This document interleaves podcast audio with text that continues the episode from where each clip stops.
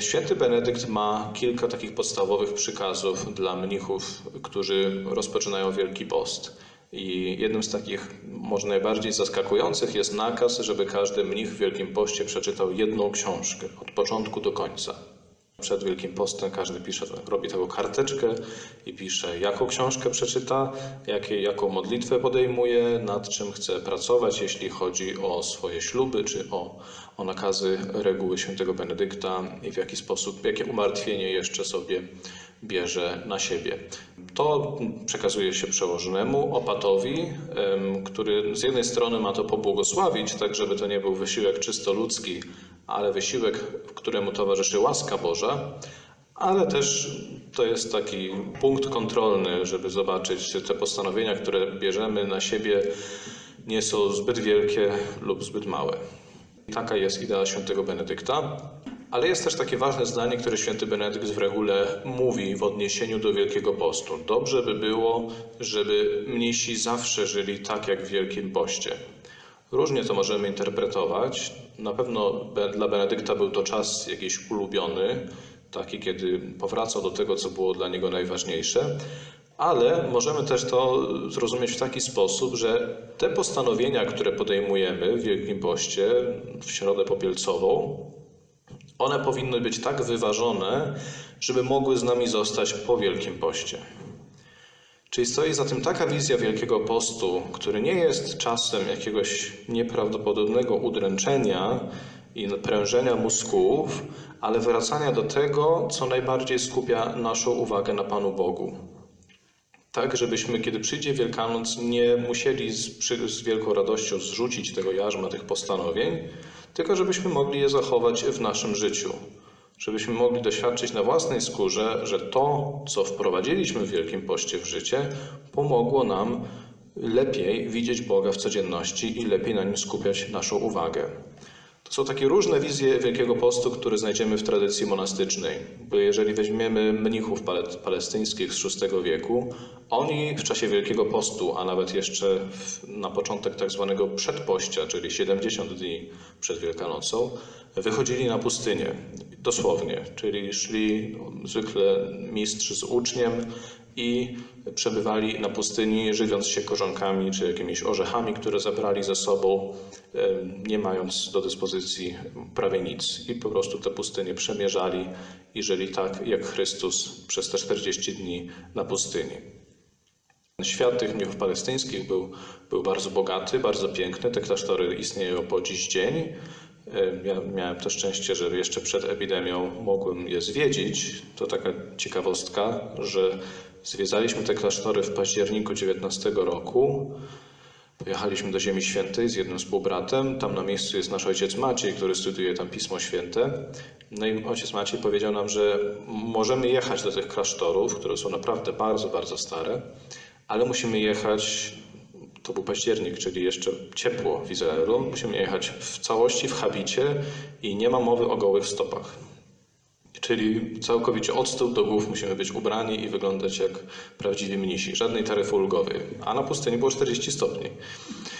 Więc, więc pojechaliśmy i, i wszędzie nas puszczono. Do każdego klasztoru nas puszczono. Księży katolickich nie wpuszcza się tam nigdy w życiu, zostają na furcie. Kobiet prawosławnych, bo to dzisiaj prawosławne klasztory, nie wpuszcza się, ale nas puszczono, ponieważ wyglądaliśmy z grubsza jak mnisi, więc i oni, nie wszyscy, my mówiliśmy otwarcie, że jesteśmy katolikami, oni, ale oni tak jakby mieli nadzieję, że przez ten pobyt może otworzą się nasze oczy na prawdziwą prawosławną wiarę. Każdym razie widzieliśmy te klasztory i widzieliśmy też surowość tego życia, które tam się do dziś prowadzi. W, wielu miejscach wciąż nie ma elektryczności. I widzimy też, że tam jest jakieś bijące serce życia monastycznego. Jak zwiedzaliśmy klasztor w Wadi Kelt, e, rozmawialiśmy między sobą po polsku i była mniszka prawosławna, która oprowadzała grupę Rosjan prawosławnych i podeszła do nas i zaczęła do nas mówić po polsku. I okazało się, że to jest Polka, która jest prawosławna i żyje w tym klasztorze.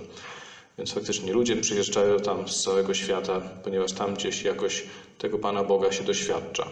Ogólnie Izrael to jest miejsce, gdzie znajdziemy wyznania chrześcijańskie każdego pokroju.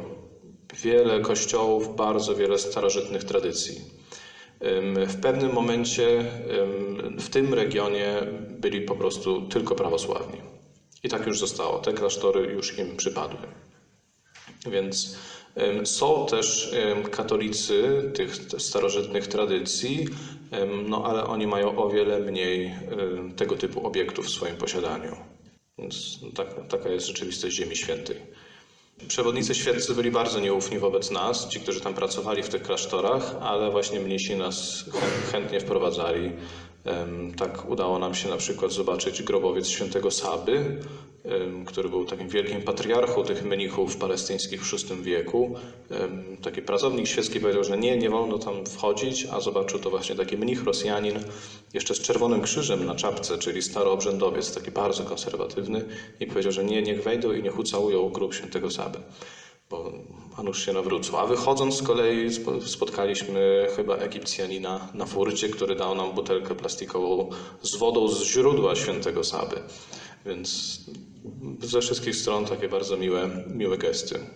Więc mamy te dwie, dwie podstawowe wizje Wielkiego Postu, czyli z jednej strony czas, w którym wychodzi się na pustynię i Pana Boga doświadcza się tak bardzo intensywnie i wszystko, co nas rozprasza, odsuwa się bardzo radykalnie na bok. To jest jakby jedna taka wizja, która nie dla każdego z nas jest dostępna, szczerze sobie powiedzmy. I druga wizja, czyli taka, że podejmujemy takie postanowienia, które z nami po Wielkim Poście już zostaną, czyli takie, które będą trwałe, czyli nie takie, które są jakieś bardzo dokuczliwe. Ta, za tą pierwszą wizją idziemy wtedy, kiedy, kiedy wyjeżdżamy na jakieś rekolekcje, tak jak ktoś tutaj przyjeżdża właśnie na parę dni, żeby się tutaj skupić, odosobnić, więc to jest, to jest, to jest e, ten porządek. Ale z drugiej strony nie zapominajmy o tym drugim porządku, czyli po Wielkim Poście to nie powinniśmy od razu wrócić do wszystkich złych nawyków. Prawidłowo przeżyty Wielki Post jest taki, że kończy się jakąś trwałą zmianą. Chciałem przeczytać teraz fragment z dialogów świętego Grzegorza Wielkiego, pewnie dla Was wszystkich dobrze znany, ale może uda nam się, nam się na niego spojrzeć z nowej strony.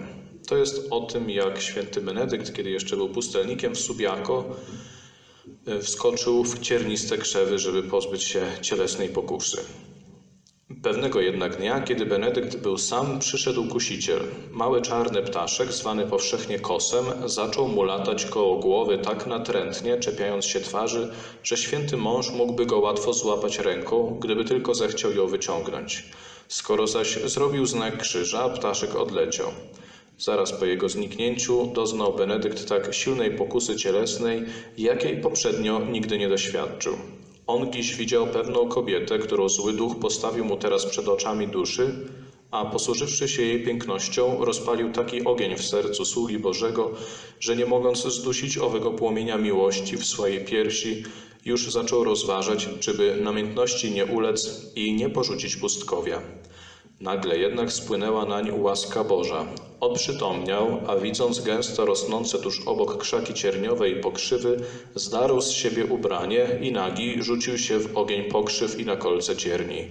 Długo się w nich tarzał, a gdy wstał, całe jego ciało było pokaleczone. Przez rany zadane ciału usunął jednak chorobę zagrażającą duszy. Namiętność przemienił w ból, a przyjmując słusznie karę ognia zewnętrznego, zagasił ów zakazany ogień, który płonął w jego piersi. Zwyciężył grzech, gdyż wybrał mniej groźny pożar.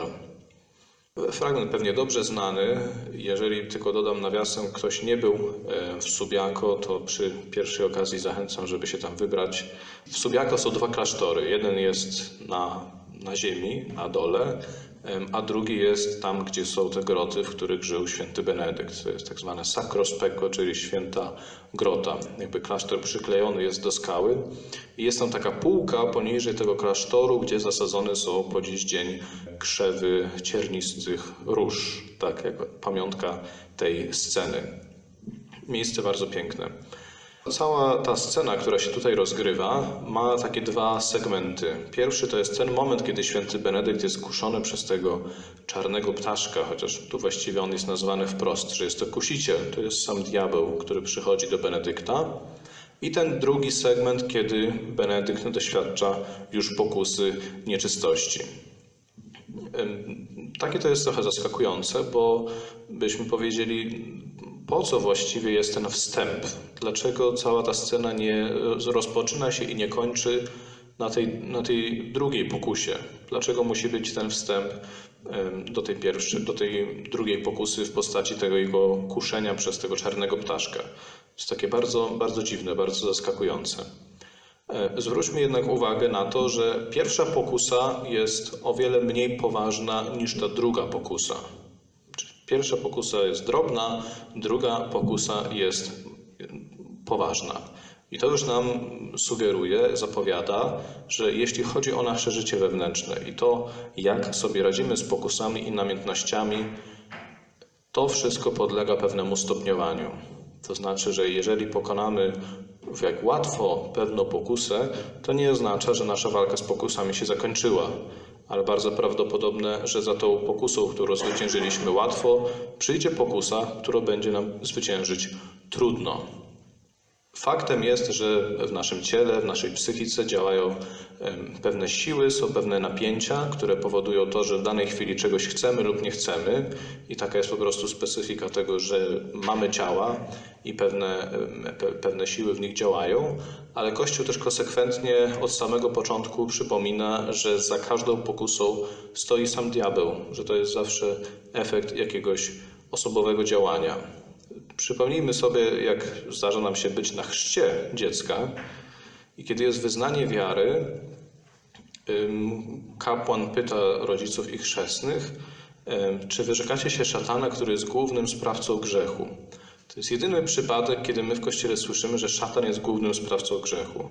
Normalnie idziemy do konfesjonału i spowiadamy się z grzechów, których my jesteśmy sprawcami. Przecież tak to każdy z nas pojmuje.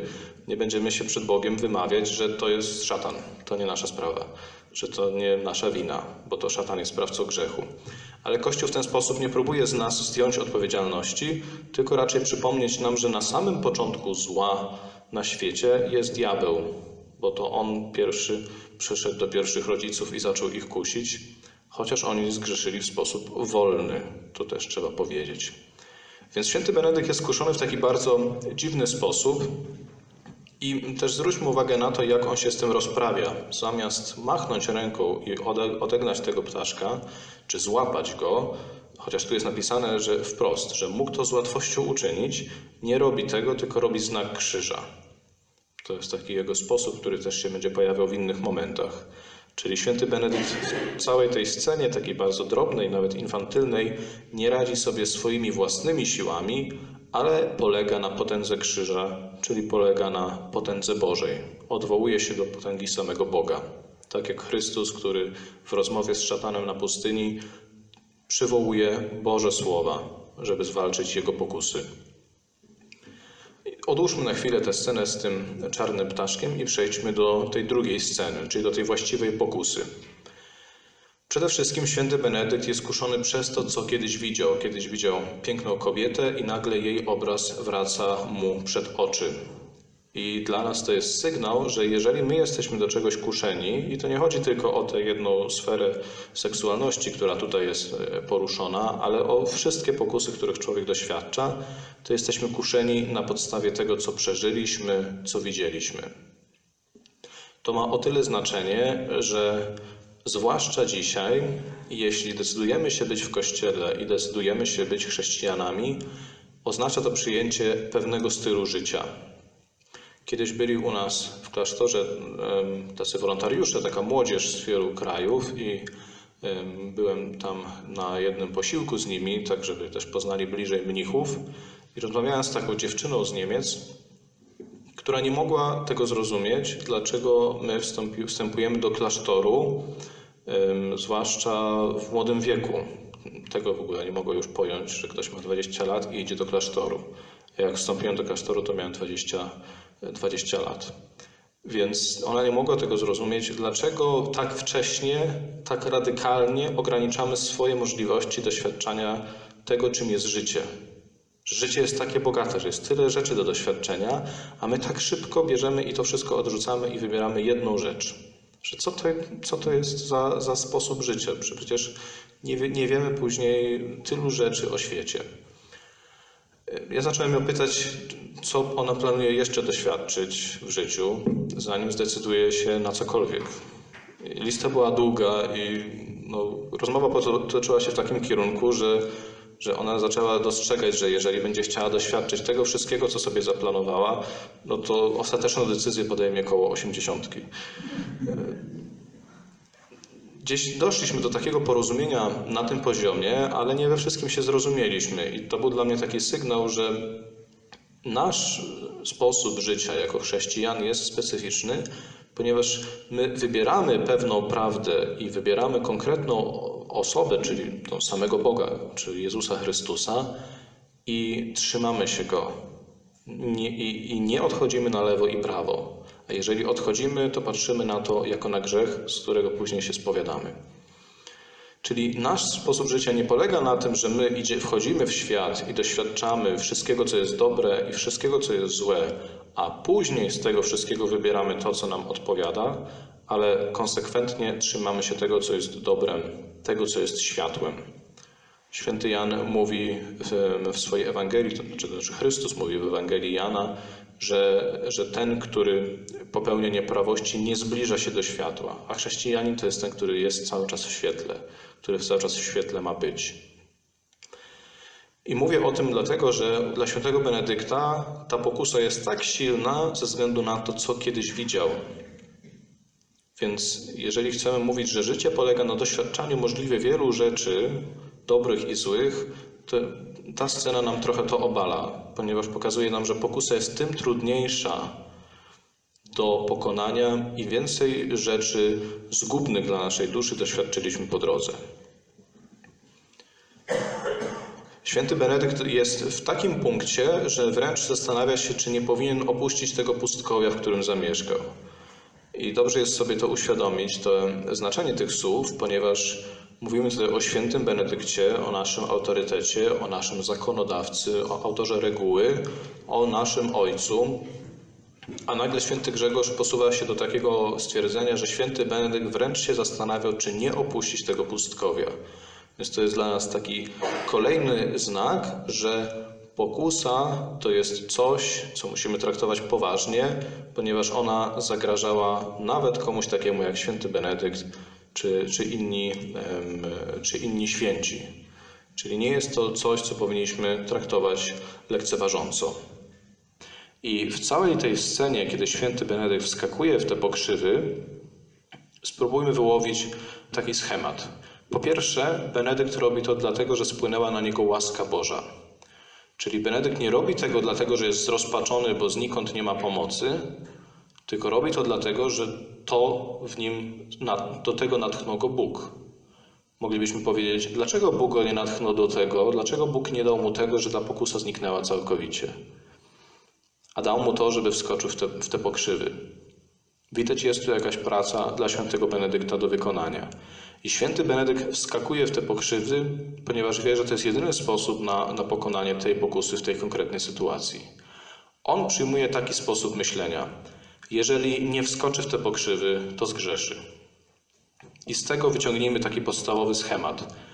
Znamy samych siebie i wiemy, z jakimi grzechami mamy problem, jakie namiętności nas trapią i jakie pokusy nas najczęściej niewolą.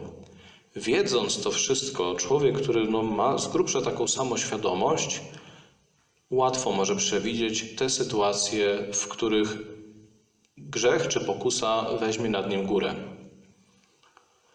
Nie myślmy o walce z pokusami w taki sposób, że my mamy mieć za każdym razem taką nieprawdopodobną wytrzymałość i cierpliwość, żeby z każdą pokusą wygrać, ponieważ święty Benedykt nie wygrywa w tej sytuacji własnymi siłami, tylko tym, że wskakuje w pokrzywy. Czyli zamiast być w tej konkretnej grocie i po prostu cierpliwie znosić tę sytuację, on wskakuje w coś, co odwróci jego uwagę od pokusy. Nie ufa swojej sile, tylko usuwa zagrożenie. Teraz trochę widzimy, skąd się bierze ta scena z tym ptaszkiem, ponieważ szatan przychodzi do Benedykta i próbuje jego cierpliwość, i Benedykt jest cierpliwy, jest wytrzymały, jest silny. Nie odgania ptaszka ręką, tylko robi znak krzyża. Więc szatan mówi: No to zobaczymy, jak bardzo jesteś cierpliwy. Jak bardzo będziesz dalej siedział nieporuszony. O to chodzi w tej pierwszej scenie, że święty Benedykt tutaj jest nieporuszony, a za chwilę wyskakuje z groty w krzaki. Szatan próbuje go skusić do tego, żeby dalej był nieporuszony, ponieważ wie, że jeżeli dalej będzie nieporuszony, to zgrzeszy. Święty Benedykt przyznaje z pokorą, że jego siły są zbyt słabe i musi sobie zafundować jakiś inny bodziec, żeby z tym wygrać. wygrać. Takie sytuacje zdarzają się w życiu bardzo wielu z nas, zwłaszcza jeżeli ktoś wychodzi z jakiegoś uzależnienia. Jeżeli miał tego typu problem, to łatwo przewidzi, kiedy na przykład będzie mu ciężko odmówić sobie tego, od czego jest uzależniony. Prawda? Jeżeli ktoś jest uzależniony od alkoholu, jeżeli pójdzie na jakąś imprezę późnym wieczorem, gdzie wszyscy będą pić alkohol, jest wysoce prawdopodobne, że on też sięgnie po ten alkohol. Więc w tym przypadku walka z pokusą polega na tym, że on tam po prostu nie idzie, a nie, że idzie i tam jest wytrzymały.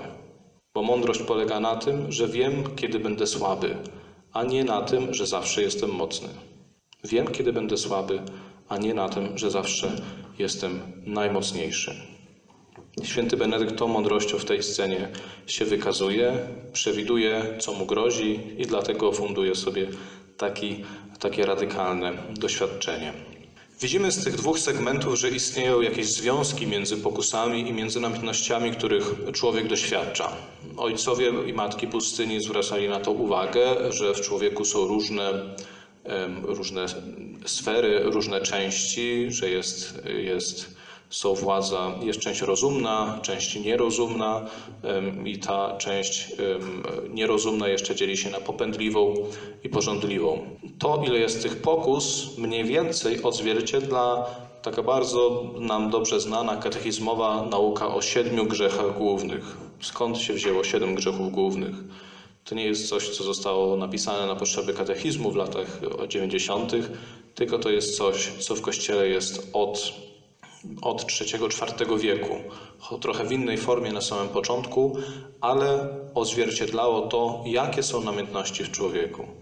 Że są takie, które dotyczą jego ciała, że są takie, które dotyczą tego, co człowiek chce mieć, czego chce doświadczać, ale są też takie, które paraliżują jego umysł, jak namiętność pychy i próżnej chwały.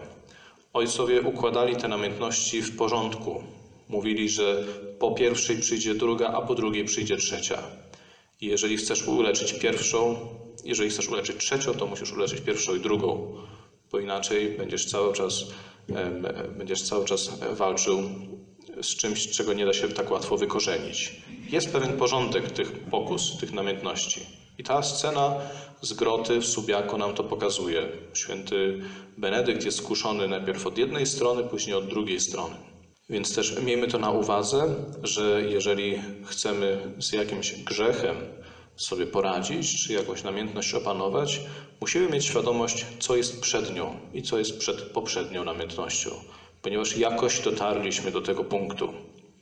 To nie jest tak, że człowiek, który na przykład ma problem z nieczystością, od samego początku miał problem z nieczystością, ale wcześniej prawdopodobnie był grzech obżarstwa albo jakiś inny grzech, który polegał na tym, że konsumuje to, co jest przed nim, że wyrabia w sobie czysto konsumpcyjny stosunek do świata, żeby wszystko wchłonąć i zużyć na swój użytek.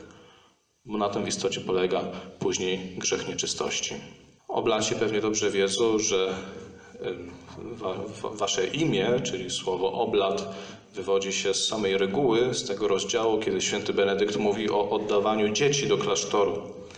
Z tej sceny, kiedy dziecko, które jest oddawane przez rodziców do klasztoru, daje swoją, swoją rękę, która jest zawijana w obrus ołtarza na znak tego, że jego życie jest włączane w ofiarę eucharystyczną.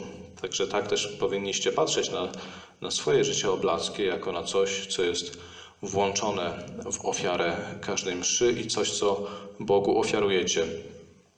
Ale ta ofiara nie ma tylko takiego wymiaru, jak to miało w przypadku dziecka, które było ofiarowane do klasztoru, czyli tylko i wyłącznie jakiegoś poświęcenia, ale ma taki bardzo głęboki wewnętrzny i duchowy wymiar, właśnie jeśli chodzi o walkę z pokusami, walkę z namiętnościami, lub ujmując to bardziej pozytywnie, stawianie Pana Boga na pierwszym miejscu. o kładzenie największego nacisku na Pana Boga, ponieważ jest bardzo wiele rzeczy, które nas od Niego oddzielają, i nawet u świętych tych rzeczy zawsze było bardzo wiele, i całe nasze życie polega na tym, żeby to, co zbędne, odsuwać na bok i oczyszczać tę drogę, która nas jeszcze od Boga oddziela. Kiedy jednak to odsuwamy na bok i kiedy nieraz towarzyszy nam takie uczucie, że być może coś tracimy, tak jak ta dziewczyna, która mnie pytała, jak mogłem pójść do klasztoru, gdy straciłem tak wiele rzeczy, pamiętajmy, że ten element tracenia to jest coś, co należy do, do takiego podstawowego zrębu życia chrześcijańskiego.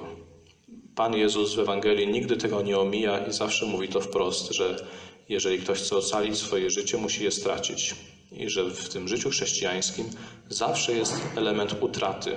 Możemy czuć, że tracimy, możemy czuć, że wręcz umieramy, ale pamiętajmy, że zyskujemy przez to na tamtym świecie i że właśnie przez to mamy nadzieję powstać do życia wiecznego.